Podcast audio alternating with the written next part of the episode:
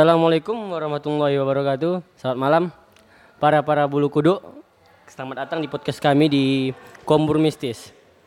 Saya sendiri host di sini. Seba, uh, nama saya Muhammad Arif Afandi. Saya sendiri mahasiswa yang berkuliah di Universitas Sumatera Utara. Asal kami Tanjung Balai. Kami paling umur kami umur-umur 20 ta 20-an tahun lah. Kenapa kami di sini ingin membuat Kombur Mistis? Karena kami di sini banyak mendengar kawan-kawan kami banyak yang me, yang yang kena kejadian hal-hal mistis tersebut. Termasuk saya sendiri dan teman saya.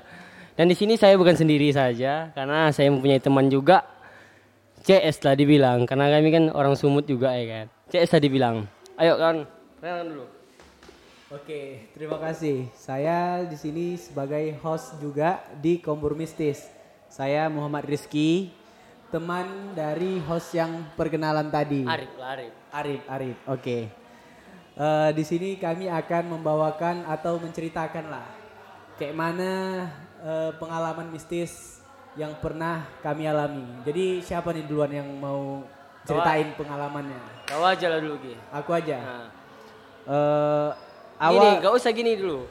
Kau di sini kan. Biar aku yang nanya, biar agak sedap sedikit. Oke siap Oke, siap siap. gini. Karena ini episode pertama ya. Ah, Oke oke. Karena masih perkenalan kan. Karena kalau untuk episode kedua pasti kami akan ngadain bintang tamu semua. Ya jelas karena ini masih episode Ya. pertama kami Dan- sebagai host kedua host di Kombur Mistis ini eh, menceritakan pengalaman mistis kami dulu sebelum ke membawa eh, orang yang mengalami mistis orang lain di luar kami gitu. Ya. Kami dan saya akan tambah ya. Kami di sini dinaungi, dinaungi oleh Labirin. Labirin itu semacam podcast-podcast kumpulan podcast kami dan berbagai macam epi dan berbagai macam judul. Boleh di, dicek di IG kami di at underscore underscore underscore underscore sampai lima kali baru Labirin. Oke bisa dicek di sana Ya. apa saja podcast yang kami produksi. Saya di sini akan menanya pada kawanku gini Ki. Oke gimana? Kita tahu kan kalau mistis itu seram. Iya. Dan aku tahu gue tuh penakut. Jangan Sa- gitu dibuka ya. Ya, Dibuka sama tuh. sama kayak aku gitu kan. Jadi apalah hal mistis kau yang terjadi sama kau maupun di rumah ataupun di kos. Karena kan banyak kejadian-kejadian yang gak terduga dari kita gitu kan. Jadi menurutku kau ceritakan dulu dikit. Apa aja yang pengalaman kau tentang mistis ini? Oh, Oke. Awal aku eh, masuk atau berada di circle hal-hal yang mistis seperti itu. Awalnya aku nggak percaya, nggak percaya ada hal-hal seperti itu. Awal mulanya setelah lulus SMA. Aku mulai setelah lulus SMA kan kuliah di Medan ya kan, ngekos, ngekos gitu kan. Jadi eh, di kos di eh, ini tempatnya settingnya di Medan, di tepatnya di Jalan Madio Santoso ujung. Eh, saya di situ ngekos, kebetulan dekat kos eh, kuliah saya di UMSU. Awal saya ngekos di situ seminggu pertama ya biasa-biasa aja. Awalnya sebelumnya aku nggak pernah melihat melihat dalam bentuk sosok atau bentuk fisik, cuman eh, terdengar visual aja gitu, terdengar atau eh, merasakan bahwa ada orang gitu kan, pernah ada bayangan, tapi melihat bentuk fisik itu nggak nggak pernah. Jadi minggu kedua setelah aku ngekos di Medan di Jalan Mario Santoso itu kan, biasalah anak kos ya kan, tidur tidur malam, tidur tidur malam ngerjain tugas. Jadi kebetulan kawan kos aku berem, eh, bertiga udah tidur. Kebetulan aku masih ngerjain tugas. Di ruang jadi eh, tempatnya aku kebetulan ngontrak rumah. Kebetulan eh, di depan ruang ruang motor atau kereta di tengah ruang tidur kamar di tengah itu ruang TV atau tempat du- duduk lah, tempat tempat nongkrong di rumah lah. Jadi kebetulan aku ngerjain tugas di eh, tempat tempat TV itu tempat nongkrong di rumah. Kebetulan itu pada saat jam satu malaman lah lagi ngerjain tugas, dengerin lagu. Itu siapa kau atau kawan kau? Aku aku ngerjain sendiri. Terus Jadi eh, kebetulan di belakang ruang TV itu kan kamar mandi sekalian dapur. Ah, jadi aku kan ngerjain tugas jam, jam sekitaran jam satu malaman lah. Eh, lagi asik nugas, tiba-tiba eh, piring piring plastik yang di belakang di dapur tiba-tiba jatuh gitu kan. Refleks aku terkejut lah ya kan. Gimana nggak nggak terkejut? Tiba-tiba jatuh deh. Awal aku ngira oh mungkin tikus, mungkin angin atau gimana gitu kan. Rupanya kedua kalinya eh kan ada itu dek dek dek rumah dek tempat lampu gitu kan atas. Ah, tiba-tiba selang berapa menit nggak setengah jam lah. Kayak ada yang ngetok gitu. Oh ini aku udah feeling oh nggak benar ini kan. Langsung aku merinding langsung nyuci lari lah ke kamar langsung tidur. Setelah kejadian itu aku udah nggak berani lagi ngerjain tugas di belakang sendirian. Apalagi sendirian.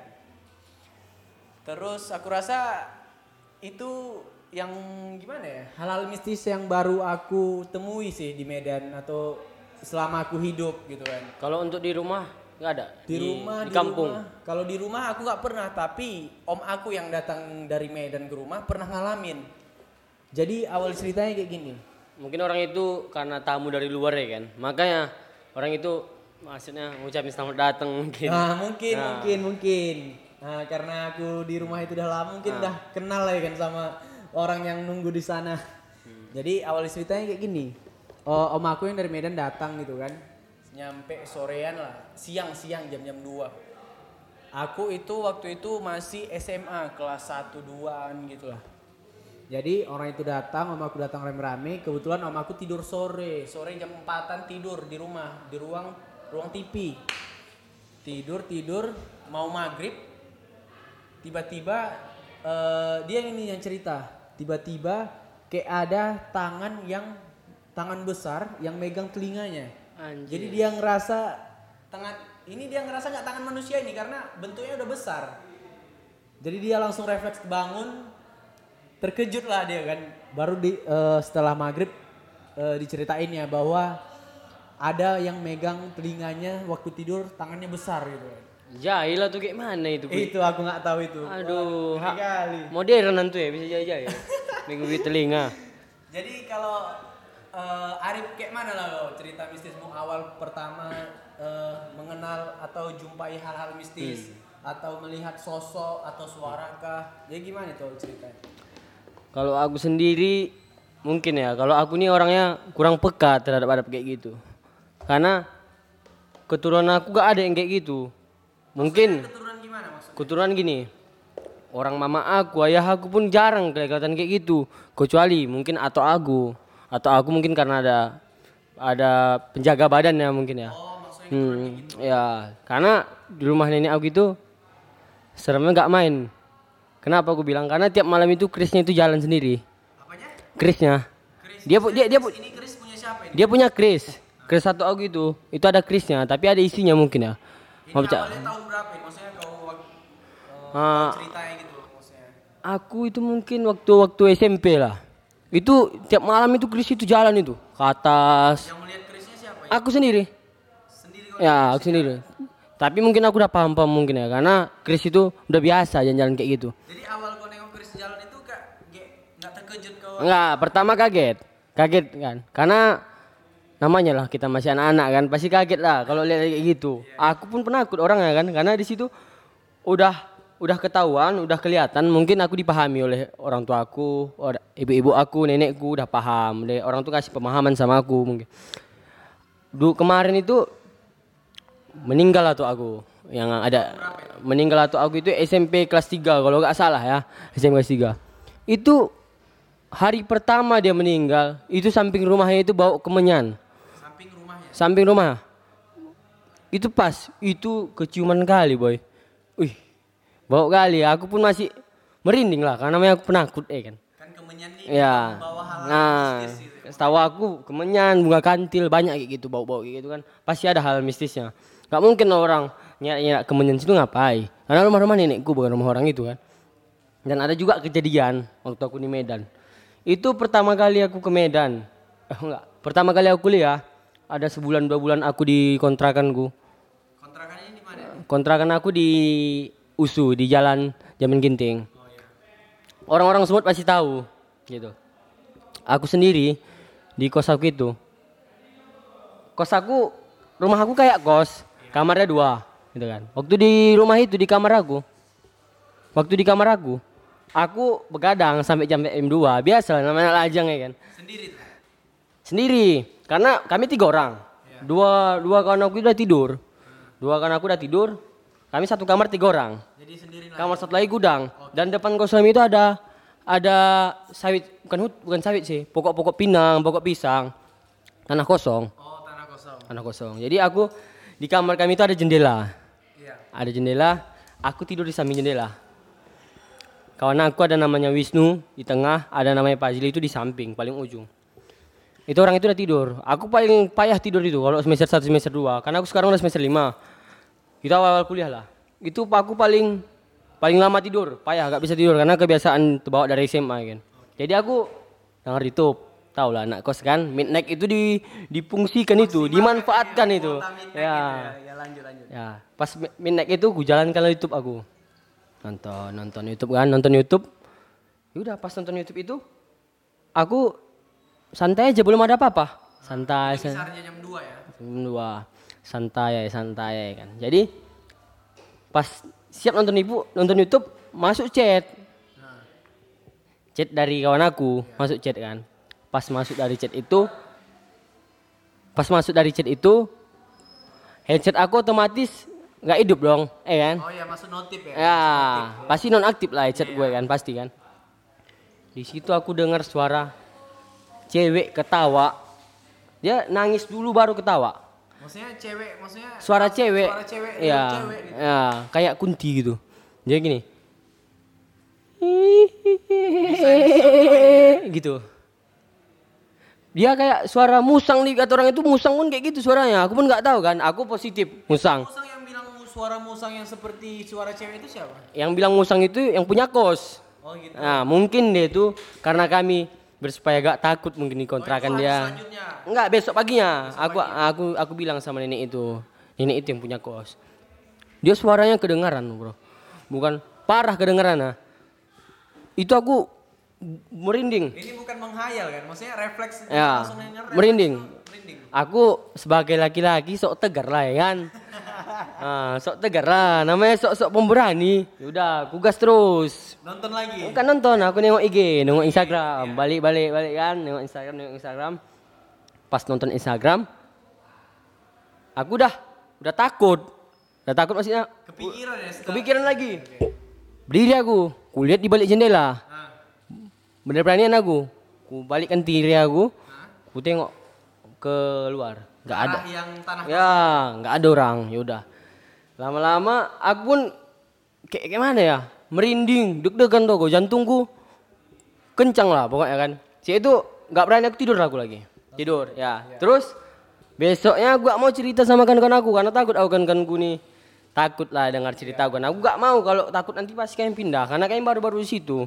Rugi lah kami kan dah udah kontrak setahun kan rugi lah kami kalau pindah. Aku nahan, nahan, nahan. Nggak bisa aku nahan. Jadi tiga hari selanjutnya aku cerita sama aku sekos. Kami waktu itu di rumah itu cuma tiga orang. Aku bilang sama kawan aku Wisnu. Nuh, tadi nampak aku.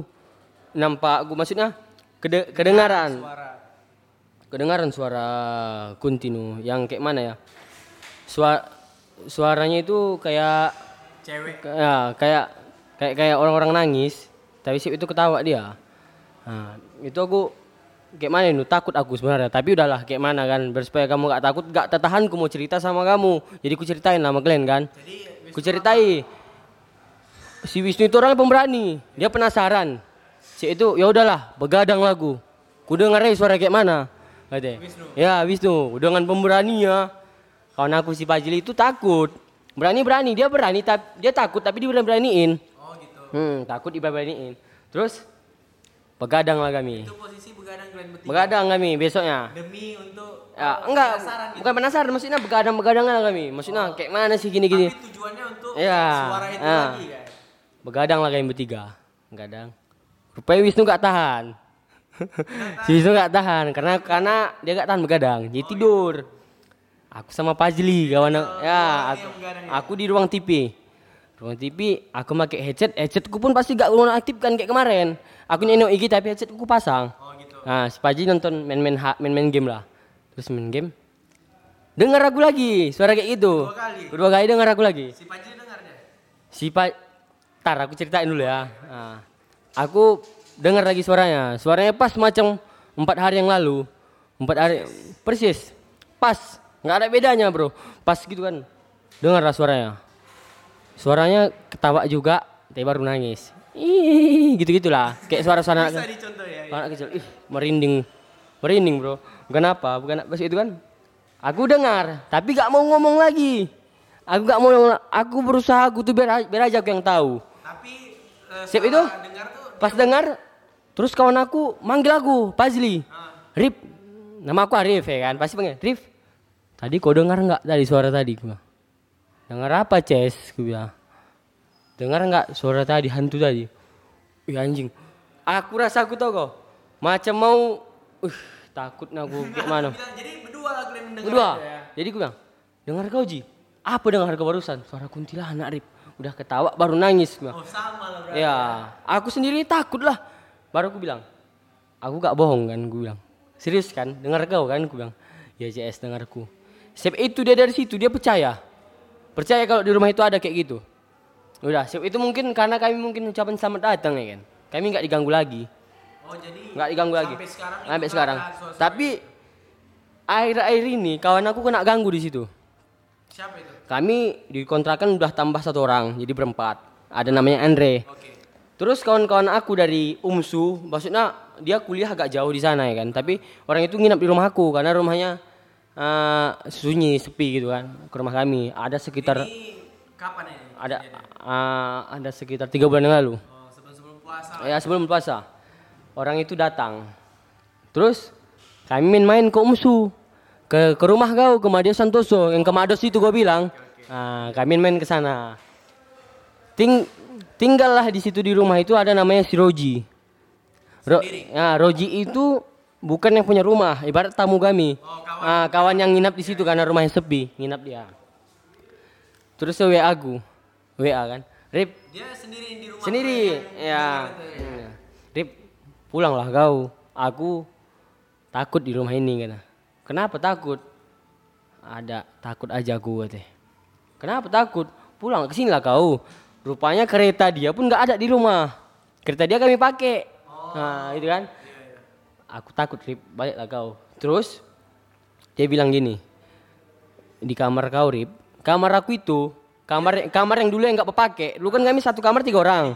Jadi yang gudang itu jadi kamar aku sama Fazli Wisnu sama kawan yang baru si Andre. Itu gak pernah kejadian apa apa baru dia yang kena. Bau bangke katanya. Itu dia bilangnya pas di WA nya langsung. ya bau bangke Rip. Ke sini lah kau katanya. Bau bangke aku takut katanya kan ya udahlah. Si itu kami bilang udah gak apa-apa itu gak apa-apa. Kami bilang bukan apa Rip. Bau bangke. Aku takut katanya kan. Aku di sini udah megang-megang pisau. Katanya. secara secara kan hantu mana bisa dicuci pakai pisau? Coba. manusia, ya. dia Iya, dia pun tak. Bawa bangke. Karena di di muka rumah kami itu bukan yang ada. Ba- bangke-bangke pun nggak ada, tai-tai pun nggak ada. Karena cuma macam hutan kayak gitu. Macam hutan kayak gitu. Pulanglah kau katanya. Ya udah. Kami nunggu, tunggu dulu Ji, aku bilang. Aku mau makan dulu, aku bilang kan. Nanti baru balik aku, makan aku. Dia nelpon lagi, dia keciuman lagi bawa bangke. Bawa bangkenya gini. Dia sekilas bawa bangkenya, bukan bawa bangke. Maksudnya Yang di situ dia bawa, ah, enggak. Lima detik tercium bangke, itu enggak, udah gak ada. Kosong. Cuman sekali aja. Nah, sekali. Dia kayak angin aja tau kok. Nah, kayak angin. Jadi dia ketakutan, balik kami lagi. Pas balik kami ada kawan kami nginep juga namanya Doli. Doli itu satu kuliah sama aku. Dia posisi udah pulang lah. Udah pulang. Kami main pasti kami main, main kartu lah. Kami begadang ya kami main kartu main kartu karena nggak kuliah besok. Si Doli itu kena. Si Doli itu kena kenapa? Aku cium bangke juga deh. Kalian yang di rumah itu selain Sedoli nyium juga enggak? Enggak, cuma dia. itu aneh ya kan. Kalau bangke itu pasti semua tercium, bukan dia sendiri gitu. Dia tercium. Bau bangke. Aku gak percaya lah otomatis kan. Namanya ku bilang lah ada tai lah, ada sampah. Ku bilang kayak gitu kan aku buang sampah ke hutan itu. Jadi yaudah lah. Dia takut, dia masuk ke kamarku. Jadi keluar kami yang di kamar. Terus kawan aku si Paji keciuman bau bangke lagi. Posisinya si Doli yang nyium bangke di mana? Dia di ruang TV. Ruang TV.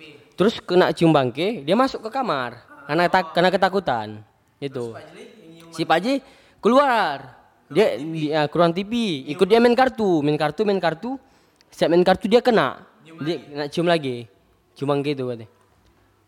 Kalau menurut dia, itu memang karena orang-orang situ juga. Maksudnya bukan orang situ, maksudnya hantu-hantu di situ juga. Kenapa gue bilang? Karena rumah rumah kami agak ribut. Jam-jam 2 malam sekitaran setengah tiga malam, jam 2 malam agak ribut. Karena mungkin terganggu. Ya kan, terganggu karena orang itu tak nyaman kalau kami di situ rame. Mungkin itu eh, Karena cara orang eh, eh, hantu itu mengusir. komunikasi Iya, dengan komuni- manusia lah mungkin kan bahwa Ka- kami di sini pas kami main kartu kami ngomong-ngomong agak kotor. Cap-cap mungkin, kotor. mungkin itu salah satu komunikasi Iya. hantu itulah komunikasi ke manusia bahwa eh, jangan kalian tidur lama-lama, jangan Iya. cakap-cakap kotor gitu ya. Karena aku tahu ya kan, hantu itu gak suka kalau rumahnya itu kotor. Iya, iya, iya. Agak kami cakap kotor. Di situ rumah kami agak kotor karena Eh, nggak rame. Yang, yang tadi yang kau bilang kau buang sampah ke halaman kosong itu lagi. Mungkin itu salah satu komunikasi juga bahwa jangan buang buang sampah sembarangan. Mungkin tempatnya terganggu. Nah, mungkin aku salahku mungkin di situ karena aku sepele karena hal, -hal kayak gitu. Karena aku kurang percaya kayak gitu. Karena aku dua, dua kali kayak gitu. Waktu kemarin aku mau pergi makan keluar. Lewat, hantu itu lewat ya. Ah, lewat mas. Lewat maksudnya dari rumah Nah, kami. itu kapan itu? Udah agak lama lah tahun lalu mungkin. Dari rumah kami ke ke tanah kosong itu dia lewat. Tapi lewatnya lewatnya kencang. Itu kejadiannya gimana? Malam. Malam jam jam 10 jam tengah 11 malam. Tapi aku santai aja karena nggak ganggu Lewat bentuknya gimana? apa? Enggak lintas aja baju putih Mengarah ke tanah kosong. ke tanah kosong itu. Dari rumah dari rumah samping rumah kami kontrakan juga. Dan aku mau cerita ada juga kawan aku namanya si Fajli itu dia pernah kejadian dia sendiri di rumah. Nah, Dia tidur di balik jendela sama kayak aku. Nampaknya lah ada cewek berdiri di samping jendela. cewek. Ya, Cewek gimana pakai baju? nggak tahu lah aku. Katanya kayak gitu, pendengaran gue ya. Katanya kayak gitu. Ada cewek berdiri di samping jendela. Itu aku aku mau takut nggak mungkin. Kontrakan kami masih tiga bulan lagi. Tonggok lah kan. Orang tua yang kena, mama aku yang kena. Nyusahkan juga, kuliah pun masih lama kan. Jadi aku pun udahlah kayak mana lagi buat kan. Ya udah, penting jangan ngapa-ngapai di sini. penting jangan ngapa-ngapai. Jadi itu Spajil gitu ngelihat langsung di. Dia dia takut tapi diberani-beranikan. Dia nampaknya udah Cuek aja gitu. cuek aja dia. Keluar dari rumah tapi gak ada orang. Dia keluar rumah tapi gak ada orang. Itu takutnya. Juga ya. Macam di rumah kalian itu Ki, di Mados itu. Aku pernah kejadian juga di situ. Yang rumah kau itu. Kan kau bilang tadi kan kau tuh di ruang TV kena ganggu. Aku kamar mandi. Aku boker. Gak enak perut gua. Aku boker jam tengah tiga malam. Situ aku boker. Itu kau sendiri yang bangun tuh, yang lain tidur. Yang lain kami baru pulang. Kami baru pulang dari tempat nongkrong. Kawan-kawan aku di kamar semua. Ruang TV gak ada orang. Jadi aku jadi aku boker. Pas boker aku lampu dimatiin. Ada kawan aku namanya Robi. Robi. Itu jahil. Jahilnya parah. Oh si Robi. Ya, parah bukan baik kali lah, baik kali, baik banget. Jahilnya parah. Dia tuh suka Jadi-jadi ah menggila-gilakan orang jago dia. Jadi ku bilang gini, hidupin bi. Oh, kau pikir ini si Robi. Iyalah, nah, otomatis kita nuduh orang itulah karena dia sering jahilin kita kan. Matiin bi gue bilang. Ah, hidupin bi gue bilang. Hidupin ya. Hidupin. Mandi aku lah, ah, Berarti bokeh. itu emang si Robi itu yang matiin hidupin lampu enggak? Enggak, enggak Robi, Robi di kamar. Terus terus emang hidupin tadi. Hidupin. Jadi aku boker lagi. Pas boker, dimatiin lagi. Nah, Jangan main-main bi, gue bilang. Ya, jangan main-main bi tengah malam ini. Aku takut, gue bilang. Hidupin bi, hidupin ya. Sip itu dihidupinnya, hidup matiin ya. Hidup mati, hidup mati, hidup mati, hidup mati gitu. disco deh. Iya, kayak medis kok. Hidupinnya lagi, matiinnya lagi, hidupin bi. Udah, siap aku boker. Aku pasti agak rising lah, agak marah ya kan. ya masih Robi langsung Nah, agak Robi. agak marah lah. Udah tangi Robi. Udah tangi kamar. Woi, ngapain kalian mati-matiin lampu? Rusak lah lampu, gue bilang kan. Baru bang, lampu udah mahal gitu, gitu ya. Gue gitu gituin lah kan. Terus pas aku ke situ orang tuh tidur semua. Tidur semua, nggak ada orang. Jadi refleks kau. Ya udah, aku kayak mana lagi? Namanya aku udah takut. Ya udahlah, ya udahlah. Pernah juga aku kejadian kalau di Mado di kos kau itu kan kayak komplek. Eh kan, dia lingkungannya kos Deret rumah gitu kan. kos ko- kos kos semua. Waktu aku di situ di kos itu duduk di, duduk di depan pintu aku nak lempar pakai batu. Aku pernah karena mungkin terlalu ribut tengah empat malam. Pas ya pas aku nak lempar. Maksudnya batu kayak mana? Lempar batu, batu, batu kerikil, kena lempar aku pakai batu. Ya nggak mungkin ya kan manusia lempar batu tengah empat malam. Hmm. Jadi gitu aja sih. Serem juga ya cerita kau ya. Iya. Eh, mungkin eh, cerita-cerita mistis kami ini eh seram lah ya kak kayak kau pengalaman. Kalau menurutku seram karena aku penakut. Dah. sama aku penakut sebetulnya. Nah, jadi untuk para para bulu kuduk ini Ah, sebelumnya jelaskan dulu bulu kuduk itu apa? bulu kuduk itu ibaratnya penonton setia kami. Pendengar pendengar, Pendengar, kompor oh, penonton ya. nggak mungkin lah penonton ya, namanya podcast. Pendengar setia podcast kami, para para bulu kuduk. Kami akan me, me- mempost ini setiap malam Jumat. Karena malam Jumat karena tahu kalian kan kalau malam Jumat bahaya, kliwon. Kata orang, aku pun nggak tahu kan. Eh, apa eh mendengarnya se- setiap malam Jumat lah biar terasa feelnya gimana gitu ya kan. Kenapa kami setiap kenapa kami membilang itu assalamualaikum selamat malam? Karena kami tahu karena kami akan mempost itu setiap malam. Malamnya malam Jumat biar kalian agak lebih Biar dapat dapat dapat dapat dapat ya. feel-nya. Mungkin itu aja sih.